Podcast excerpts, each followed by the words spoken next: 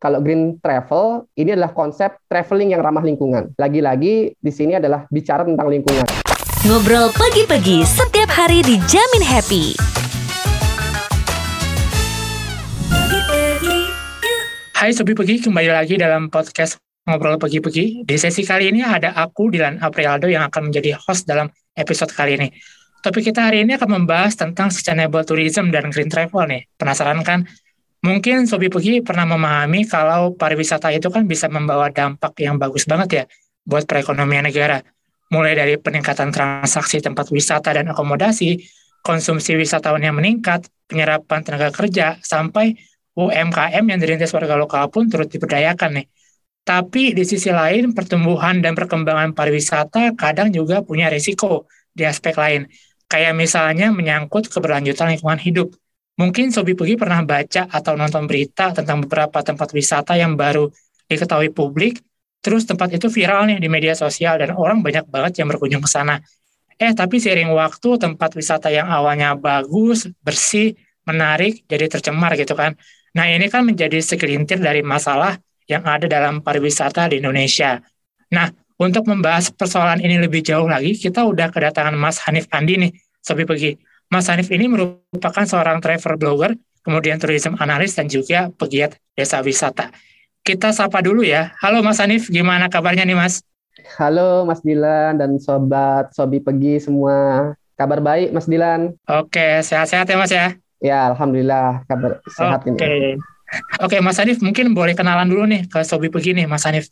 Oke, terima kasih Mas Dilan. Ya, uh, sebelumnya saya mengucapkan banyak terima kasih uh, kepada teman-teman Sobi Pogi di sini yang sudah mendengarkan podcast kali ini ya. Perkenalkan, nama saya Hanif Andi Alansori. Uh, saya bisa bisa dipanggil Hanif. Kalau profesi saya saat ini itu adalah sebagai konsultan pariwisata. Uh, saya punya uh, perusahaan sendiri namanya Insan Wisata.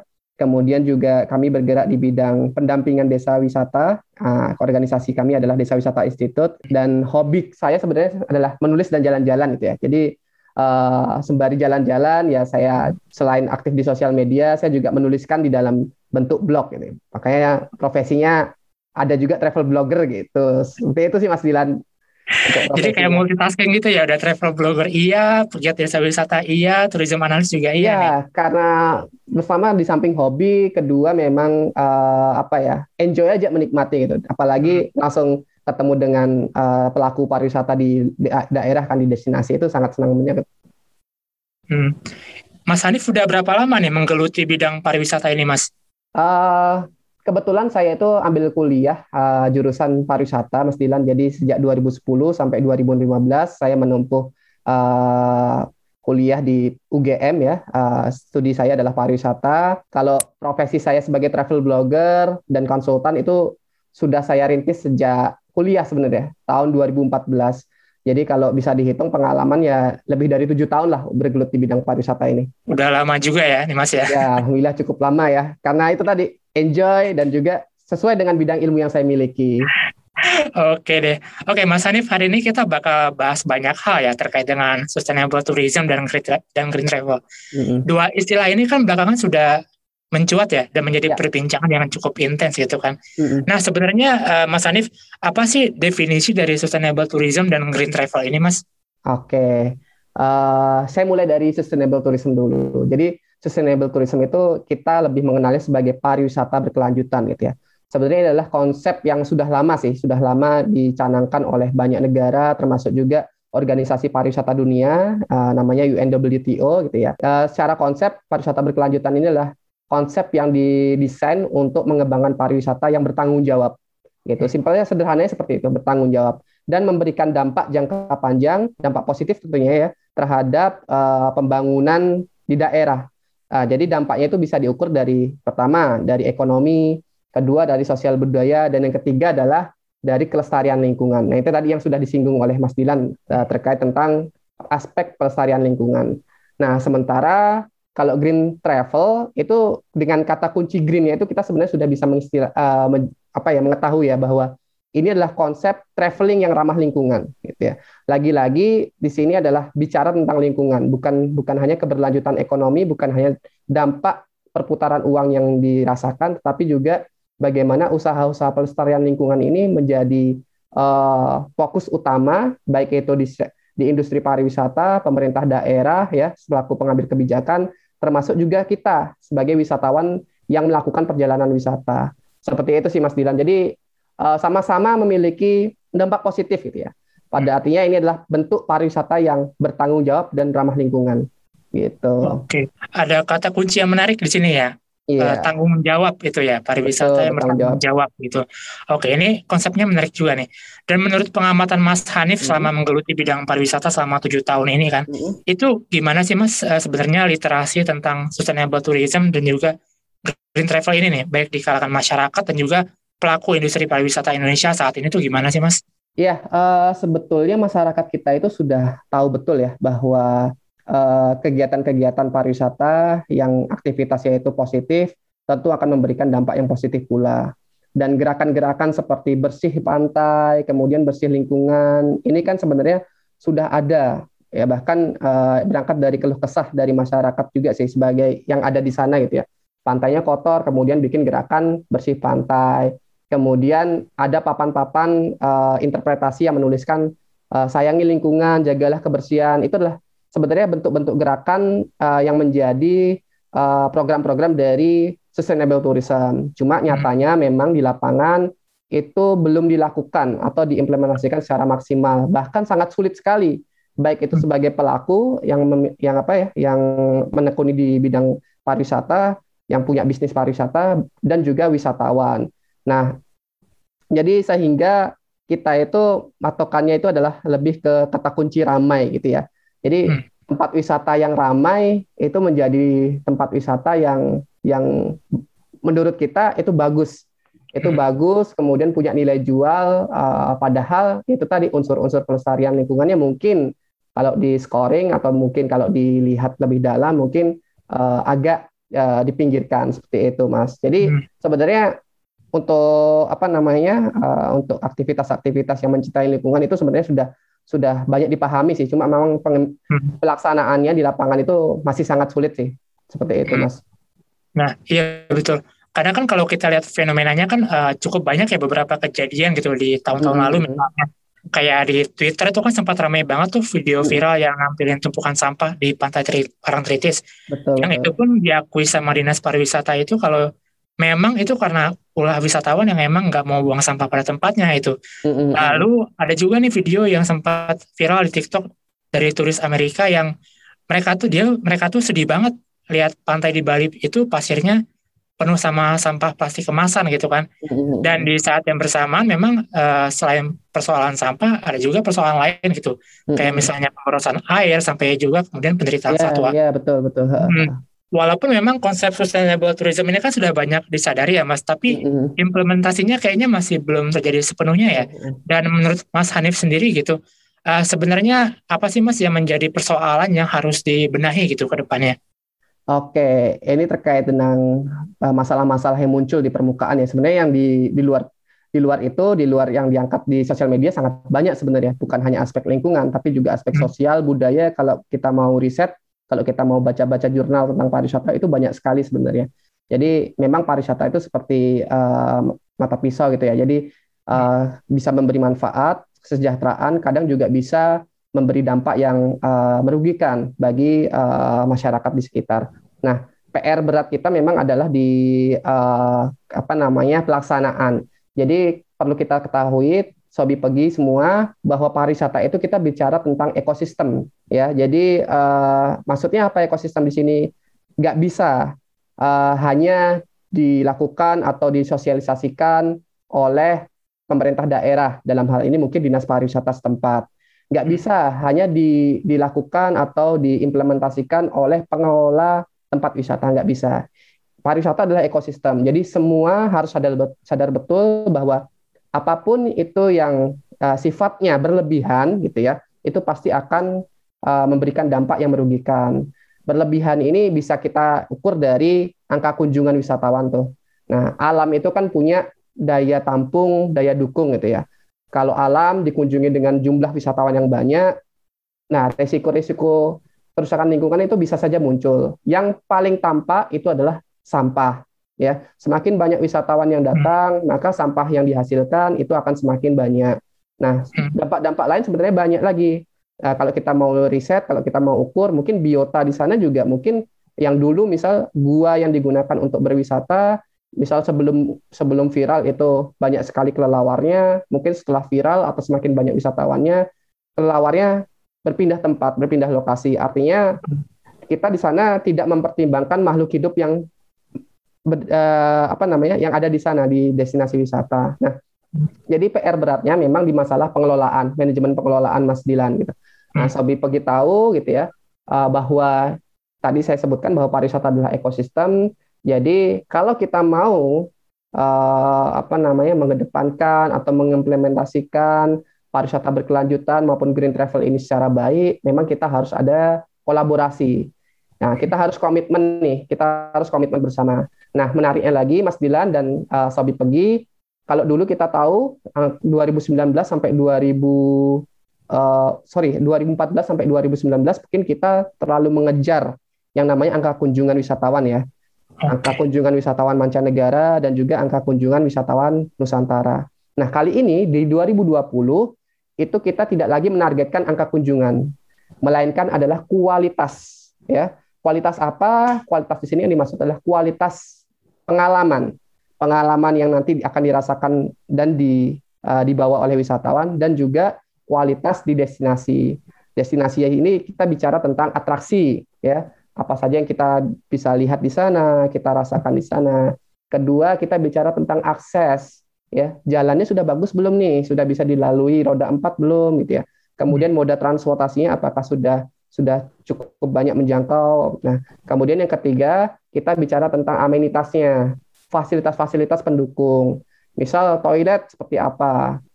Kemudian apakah ada tempat-tempat ibadah, sarana-sarana ibadah. Dan yang terakhir adalah SDM, community-nya, kesiapan SDM. Itu yang menjadi fokus kita pemerintah eh, apa namanya Indonesia tahun 2020 sampai ke depan itu akan memperhatikan kualitas gitu ya. Jadi kita akan mengejar kualitas eh, pariwisata yang berkualitas itu. Salah satunya apa? Yaitu tadi sustainable tourism dan green travel. Seperti itu sih Mas Dilan. Oke, jadi uh, ada semacam shifting gitu ya Mas ya. Mm-mm. Dari yang awalnya fokusnya ke kuantitas ke, untuk meningkatkan jumlah wisatawan supaya berkunjung ke destinasi wisata di Indonesia, habis itu berubah nih jadi mengedepankan betul. kualitas gitu ya dari semua Betul. Kesiapan dari semua kesiapan industrinya, destinasinya sampai juga uh, masyarakat itu sendiri gitu ya. Iya betul. Heeh. Hmm, Oke. Nah, eh, gimana nih Mas eh, tips atau hal yang bisa kita lakukan gitu atau sobi pergi lakukan gitu kan sebagai wisatawan supaya kita tuh bisa mendukung sustainable tourism atau menerapkan green travel dimulai dari diri sendiri gitu. Karena kan eh, kalau kita jalan-jalan mungkin selama ini yang kita biasa lakukan kita berkunjung ke tempat-tempat yang menarik gitu kan Iya, terus iya, iya. jalan-jalan foto-foto upload di medsos habis itu udah gitu. Iya, iya, iya. Nah, ini gimana nih Mas supaya bisa kita meng- mengubah pola pikir kita untuk kembali gitu mendukung Mhm. sustainable tourism dan juga uh, green travel ini Mas. Iya, iya. Eh, tentu pertama dimulai dari diri sendiri seperti yang tadi disampaikan Mas Dilan ya, eh, Sobi Pegi. Yang kedua, memang kita harus respect terhadap alam, terhadap alam, terhadap budaya, terhadap karakter lokasi yang kita datangi gitu ya.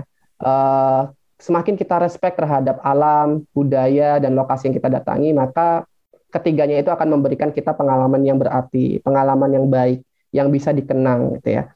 Kemudian yang kedua, tentu kita bisa mulai memilih lokasi-lokasi, destinasi-destinasi wisata yang sudah berhasil menerapkan konsep sustainable tourism atau pariwisata berkelanjutan dan green travel ini. Contoh eh, mungkin teman-teman bisa mengunjungi Taman Nasional. Nah, seperti itu. Jadi kan di sana ada bentuk-bentuk edukasi cara menghargai alam gitu ya. Kemudian ada interpretasinya. Nah, semakin kita sering mengunjungi lokasi-lokasi yang sudah menerapkan konsep sustainable tourism dengan baik, kita semakin tahu dan kita semakin memiliki banyak perbandingan. Oh, ternyata lokasi ini menariknya dari nilai jual seperti ini. Lokasi B ternyata karena kapasitasnya uh, over, ternyata kondisinya seperti ini. Kita bisa menilai sendiri gitu ya.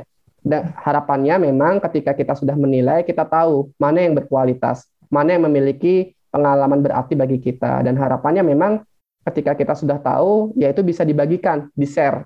Jadi seperti yang tadi Mas Dilan sampaikan, bahwa kita tidak lagi share tentang foto-foto selfie kita, foto-foto narsis kita, tapi juga nilai-nilai yang kita dapat selama berkunjung ke destinasi wisata. Kemudian yang ketiga, mungkin Sobi Pegi sudah men, pernah mendengar uh, nasihat bijak ini ya. Jangan meninggal apa, meninggalkan apa pun kecuali jejak kaki kita. Jangan uh, mengambil apa pun kecuali gambar. Kemudian jangan membunuh apa pun kecuali waktu. Nah itu adalah adalah nasihat ya bijak yang mungkin kita bisa uh, terapkan, bisa kita gunakan selama berwisata, bukan hanya ke alam, tapi juga ke kawasan-kawasan yang mungkin itu memang uh, memiliki uh, atau memang ditinggali oleh masyarakat-masyarakat. Seperti contoh apa? Uh, mungkin mungkin uh, bukan hanya alam ya, seperti contoh ke Candi Borobudur itu kan destinasi heritage dan destinasi budaya religi gitu ya. Ya mungkin di situ kita bisa bisa menerapkan uh, nasihat bijak itu karena memang uh, itu adalah sebagai tempat ibadah gitu. Kemudian uh, tips yang keempat kita mulai dari meminimalkan penggunaan uh, apa namanya uh, bot botol air mineral yang kemasan, gitu ya. Hmm. Selama ini kan mungkin kita kalau berwisata, kadang kalau haus kita mampir ke warung gitu ya. Kemudian kita membeli air mineral kemasan. Nah, mulai saat ini coba dibiasakan kita bawa uh, botol dari rumah atau tumbler dari rumah. Begitu pula tisu tuh. Nah, tisu hmm. kan buat buatnya kan itu dari pohon ya. Benar, ya. benar. Nah, teman-teman bisa mencari penggantinya. Teman-teman bisa menggunakan sapu tangan atau lap bersih seperti itu ya uh, untuk uh, apa namanya uh, membersihkan area-area tertentu. Kemudian teman-teman biasanya nih ya yang saya temui kalau misal menginap di hotel ya kemudian karena kita sudah merasa kita membayar mahal hmm. kemudian kita menggunakan fasilitas itu seenaknya contohnya apa TV ya, TV di setel terus yang nonton TV itu malah TV-nya gitu ya jadi kita tidur gitu TV TV sampai pagi itu muter terus nah jadi kemudian yang kedua adalah penggunaan air. Ya, itu tadi karena kita udah merasa membayar lebih, kita seenaknya menggunakan fasilitas kita menggunakan air secara berlebihan. Kemudian juga termasuk lampu gitu ya. Nah, dengan menghemat listrik itu kita sudah berkontribusi terhadap uh, pengurangan atau meminimalkan uh, namanya uh, pemanasan global. Seperti itu sih Mas Dilan dan Mas teman-teman uh, Sobi Pegi. Jadi uh, kita bisa mulai dari diri sendiri sih, termasuk juga tidak membuang sampah sembarangan, mengingatkan rekan kita ketika berwisata, mungkin mereka tidak sengaja membuang sampah sembarangan atau memetik bunga di pinggir jalan, itu adalah hal-hal uh, yang tidak dibolehkan sebenarnya ya. Jadi kita bisa bisa mengingatkan mereka seperti hmm. itu. Oke, menarik banget nih Mas Hanif. Nah, ketika uh, penerapan pariwisata berkelanjutan ini didukung oleh semua pihak itu kan baik itu pemerintah, kemudian swasta, komunitas, sampai para travelers itu sendiri gitu kan. Uh-huh. Apa aja sih Mas sebenarnya manfaat atau benefit yang bisa kita peroleh gitu dalam jangka pendek, menengah maupun panjang nanti gitu? Ya, uh, yang paling nyata teman-teman ini adalah uh, berita membanggakan bagi kita ya uh, selaku bangsa Indonesia. Uh, tahun 2021 itu indeks daya saing pariwisata global kita itu uh, rankingnya naik gitu ya. Artinya hmm. yang kemarin 2019 itu rankingnya adalah 40 dari 170 117 negara. Uh, tahun 2021 ini kita menduduki peringkat ke 32 dari 117 negara. Nah, salah satu indikator penilaiannya adalah ini tadi yang tadi saya sampaikan itu ya, usaha-usaha bagaimana uh, konsep pembangunan pariwisata berkelanjutan dan termasuk juga green travel ini diterapkan. Ini salah satu uh, indikator penilaiannya. Jadi yang secara nyata yang mungkin itu bisa membuat kita bangga adalah kita menjadi negara yang dipertimbangkan oleh wisatawan uh, dunia. Bahkan uh, bangsa kita Indonesia itu tentu memiliki daya saing pariwisata yang lebih baik dibanding negara-negara tetangga. Kemudian yang kedua tentu ketika kita berhasil menerapkan uh, konsep pengembangan pariwisata berkelanjutan, kemudian green travel, tentu akan memberikan nilai tambah kepada destinasi pariwisata yang kita miliki. Nilai tambah di sini yang saya maksud adalah pertama, nilai tambah ekonomi. Hmm. Kita bisa ukur tuh dari tingkat kesejahteraan masyarakat, kemudian bagaimana pariwisata itu bisa menciptakan lapangan kerja, gitu ya Kemudian kita bisa lihat juga dari aspek sosial, ya aspek sosial itu contohnya apa? ada pelestarian-pelestarian budaya di sana. Hmm. Kemudian ada kontribusi antara peran laki-laki dan perempuan yang adil dan merata gitu ya. Kemudian nama bangsa Indonesia sendiri itu uh, dikenal oleh uh, turis mancanegara gitu ya, dikenal keindahannya itu kan tentu membuat kita merasa bangga gitu ya Mas Dilan ya dan Sabi Pegi ya.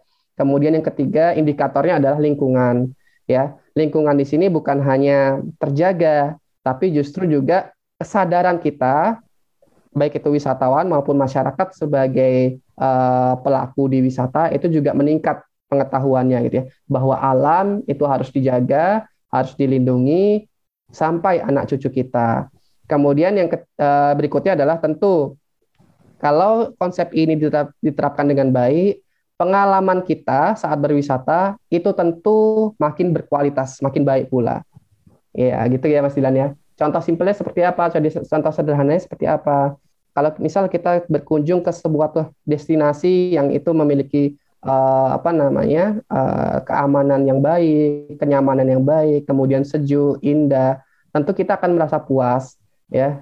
Dan dan itu kan yang dicari uh, saat berwisata ya, kepuasan, bersenang-senang, ya, mengobati mengobati rasa galau, penat selama selama uh, bekerja kan seperti itu. Jadi pengalaman kita itu semakin uh, meningkat.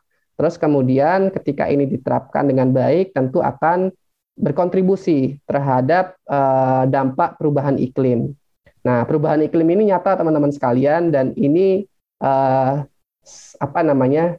Kalau saya lihat masih belum menjadi perhatian kita semua, gitu ya. Okay. Suhu suhu memanas, gitu ya. Kemudian hmm. ada banyak hal, gitu ya, untuk hmm. untuk apa namanya? Salah satu bentuk-bentuk dari pemanasan global atau perubahan iklim ini, ya. Jadi uh, harapannya memang dengan adanya konsep pembangunan pariwisata berkelanjutan dan juga green travel ini tentunya bisa memberikan dampak yang nyata terhadap kita bukan hanya kepada destinasi itu sendiri tapi kita sebagai makhluk yang tinggal di sana seperti itu sih Mas Dilan dan Sobi Pegi. Oke jadi banyak banget ya Mas benefitnya yang bisa kita ya, peroleh kalau sustainable tourism sama green travel itu bisa kita jalankan bersama-sama nih semua oleh semua pihak gitu ya. Iya, betul. Jadi memang uh, terkadang kita menganggap ini sesuatu hal yang jelimet gitu ya, yang susah ya, gitu. Benar. Tapi betul. sebenarnya hal yang simpel, sederhana untuk hmm. diterapkan dan dan dampaknya itu sangat nyata dan tentu sangat bermanfaat bagi kita semua. Oke. Oke, Mas Hanif, uh, ke depannya nih, apa hmm. sih harapan dari Mas Hanif nih terkait dengan pengembangan dan penerapan pariwisata kita di Indonesia ke depannya tuh gimana? Oke, uh, saat ini memang pariwisata digadang-gadang sebagai sektor yang diandalkan ya uh, oleh pemerintahan ya. Bahkan bukan hanya di Indonesia sih, di beberapa negara juga menjadikan pariwisata sebagai leading sektornya, sebagai sektor utamanya gitu. Harapannya memang uh, pariwisata kita itu semakin semakin bagus gitu ya. Karena apalagi kita dua tahun nih puasa nih ya, adanya pandemi COVID, teman-teman yang pelaku wisata, pengelola wisata itu udah puasa, uh, puasa dua tahun gitu ya. Harapannya memang momentum ini adalah momentum kebangkitan kita, kebangkitan pariwisata Indonesia gitu. Ya. Harapannya memang semoga tidak ada lagi bencana-bencana yang menimpa bangsa Indonesia termasuk negara-negara lain gitu ya. Baik itu yang sifatnya bencana kesehatan, bencana alam, bencana politik ataupun bencana-bencana lainnya.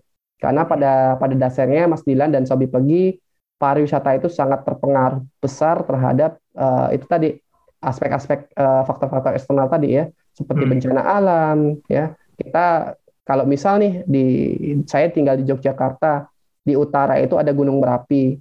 Nah, hmm. sekitaran Gunung Merapi itu kan cukup banyak pelaku wisata di sana. Ada desa hmm. wisata, ada objek wisata, ada wisata alam. Ketika erupsi Merapi itu kan cukup lama ya, bisa sampai dua bulan, tiga bulan. Nah, tentu mereka terdampak dan tentu perputaran ekonominya akan akan kesulitan gitu ya. Begitu juga waktu pandemi bencana kesehatan gitu ya. Semua negara bahkan merasakan ya, merasakan semua gitu ya. Kita mobilitas kita kan uh, ya, dibatasi gitu ya. Kita tidak bisa melakukan bepergian. Begitu pula juga tempat-tempat wisata semua diwajibkan untuk menutup diri ya atau tidak menerima wisatawan. Nah, hal-hal lain tentu juga bisa konflik gitu ya. Seperti contoh waktu saya di, tinggal di Bali selama 10 tahun, waktu terjadi bom Bali 1 dan 2 itu, wisatawan mancanegara itu ketakutan ketika masuk ke Bali. Nah, hmm. harapannya memang uh, semoga kita semua karena tadi saya sudah sampaikan bahwa pariwisata itu adalah ekosistem ya uh, tidak bisa berdiri sendiri, tidak bisa dijalankan oleh pemerintah saja. Kita juga turut serta dalam dalam menjaga kondusivitas uh, dan kedamaian uh, negeri kita kalau negeri kita damai, negeri kita aman, negeri kita nyaman, dan memberikan kenangan yang baik terhadap wisatawan, tentu uh, negara kita atau lokasi-lokasi wisata di sekitar kita tentu akan uh, apa dikunjungi dan itu tentu akan ber, memberikan dampak yang positif terhadap masyarakat di sekitar. Kemudian yang kedua, uh, lagi-lagi semoga tidak ada lagi berita-berita yang membuat kita itu sedih gitu ya, seperti sampah berserakan, ya kemudian karena ingin selfie kemudian merusak taman bunga atau bentuk-bentuk kegiatan pariwisata yang tidak bertanggung jawab dan tidak bijak. Harapannya seperti itu sih, Mas. Hmm.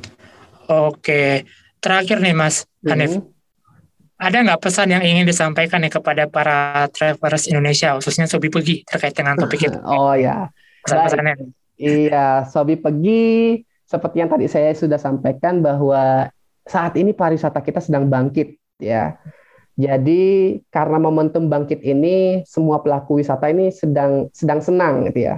Hmm. Sedang karena sudah puasa dua tahun dan sekarang sudah mulai dibuka akses penerbangan, kemudian sudah mobilitas sudah sudah sudah tidak dibatasi, bahkan penggunaan masker di ruangan terbuka juga sudah uh, apa namanya tidak diwajibkan gitu ya. Artinya bahwa ini adalah momentum yang tepat untuk kita melakukan jalan-jalan gitu ya. Jadi ayo sobi pergi kita perbanyak jalan-jalan gitu ya karena mungkin banyak di luar sana yang butuh uh, apa namanya butuh butuh kehadiran kita, kedatangan kita. Karena dengan kedatangan kita tentu akan membawa dampak atau membawa manfaat terhadap perekonomian di daerah yang kita kunjungi. Yang kedua adalah pariwisata itu adalah kolaborasi Mas Dilan dan Sobi Pergi. Kita nggak bisa sendirian nih, pergi-pergi nggak bisa sendirian untuk mempromosikan lokasi-lokasi wisata yang ada di Indonesia. Begitu pula saya sebagai traveler, sebagai travel blogger, sebagai konsultan pariwisata tidak bisa sendirian juga untuk apa namanya memperhatikan atau memikirkan nasib pariwisata Indonesia. Kita harus kolaborasi semua, baik itu industri pariwisata, pemerintah daerah, termasuk juga akademisi ya yang, yang saat ini sedang uh, duduk di bangku kuliah ataupun dosen-dosen ataupun pengajar gitu ya, termasuk juga masyarakat dan terpenting juga adalah media. Hmm. Bagaimana tugas media itu membangun atau memberitakan atau mempromosikan image-image positif, berita-berita positif terkait tentang perkembangan pariwisata di tanah air. Kemudian yang ketiga ya eh, nasihat saya, saran saya adalah ketika kita sudah paham betul bahwa eh, apa pun itu yang sifatnya berlebihan itu akan merugikan eh, diri kita, termasuk juga lokasi yang kita kunjungi. Maka dari itu, mulai dari sekarang, cobalah untuk belajar menjadi wisatawan yang bertanggung jawab. Pastikan kita adalah wisatawan yang bijak, gitu ya. Mulailah tidak membuang sampah sembarangan, mulailah untuk membawa tumbler saat bepergian, mulailah untuk mengurangi penggunaan tisu gitu ya.